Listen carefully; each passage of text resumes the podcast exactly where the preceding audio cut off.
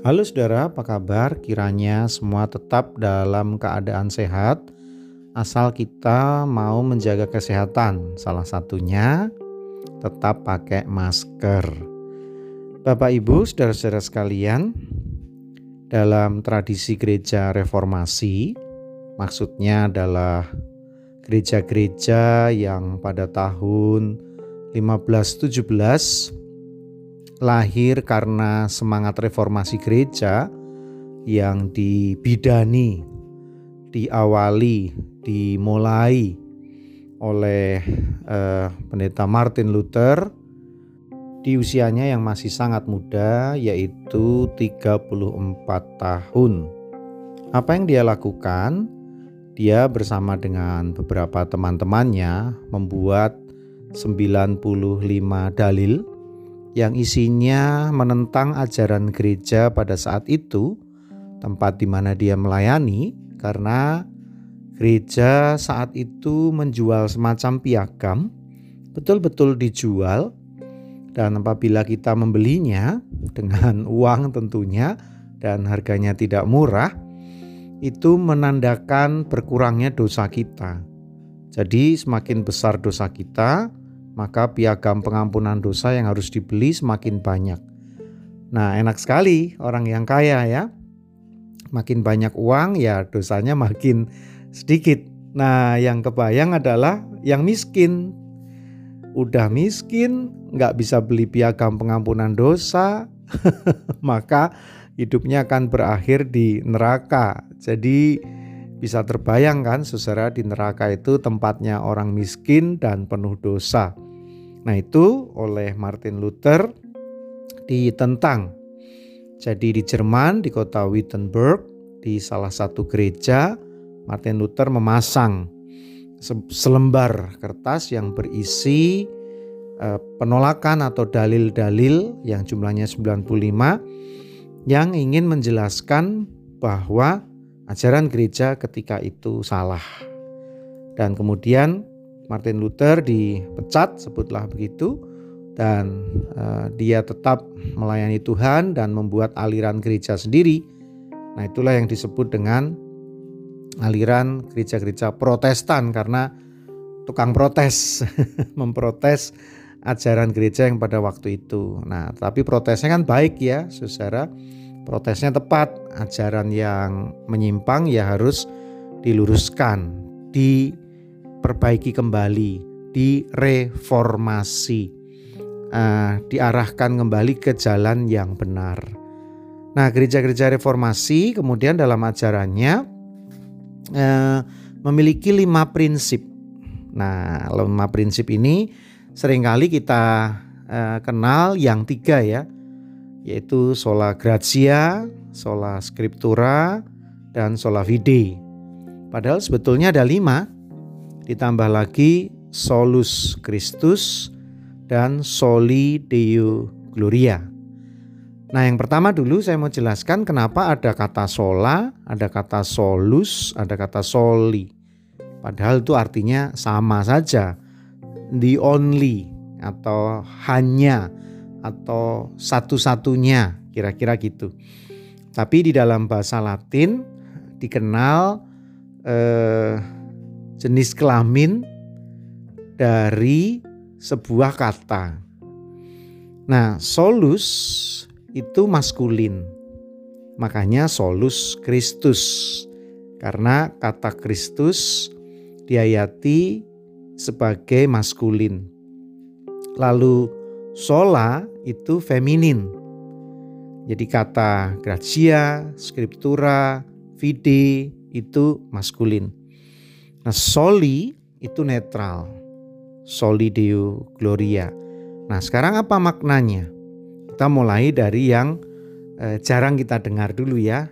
Solus Christus. Artinya sama, terjemahannya sama, hanya karena Kristus. Hanya Kristus saja. Hanya Yesus Kristus saja. Segala sesuatunya karena Kristus keselamatan karena Kristus, pengampunan dosa karena Kristus, berkat dan anugerah karena Kristus, kehidupan ini karena Kristus. Solus Kristus. Lalu yang kedua, soli deo gloria. Kemuliaan hanya bagi Tuhan. Artinya, gereja-gereja reformasi diajarkan untuk hanya memuliakan Tuhan. Memuliakan itu kan berarti uh, menomorsatukan, memuji-muji, menyanjung hanya Tuhan. Satu-satunya yang pantas untuk dimuliakan. Bukan manusia, bukan seseorang, bukan tokoh tertentu, bukan mereka boleh dimuliakan, tapi menjadi yang nomor kesekian. Tapi yang termulia, yang paling mulia, tentu adalah Deo saja, Tuhan saja. Maka soli Deo gloria. Nah, yang tiga yang sering kita dengar, saudara-saudara sudah pasti tahu artinya ya. Sola gratia, hanya karena gracia, hanya karena grace, Nah, kemudian dalam bahasa Indonesia gratis, cuma-cuma atau hanya eh, karena pemberian, hanya karena karunia, ya eh, sesuatu yang diberikan saja, anugerah saja. Ini terkait dengan keselamatan. Jadi keselamatan kita ini bukan karena duit kita sehingga bisa membeli piagam pengampunan dosa tadi, tetapi ya karena anugerah dari Tuhan, bukan karena amal kita, bukan karena kebaikan kita, semuanya tidak ada artinya kalau Tuhan tidak mengampuni. Maka sola gratia itu menjadi sangat penting maknanya karena dengan sola gratia berarti kita mengakui satu-satunya jalan keselamatan itu adalah pemberian saja, gift saja, anugerah saja dari Tuhan mau jungkir balik kayak apa pun, berusaha kayak apa pun, kalau Tuhan nggak mengampuni ya tidak bisa. Jadi pengampunan hanya karena anugerah.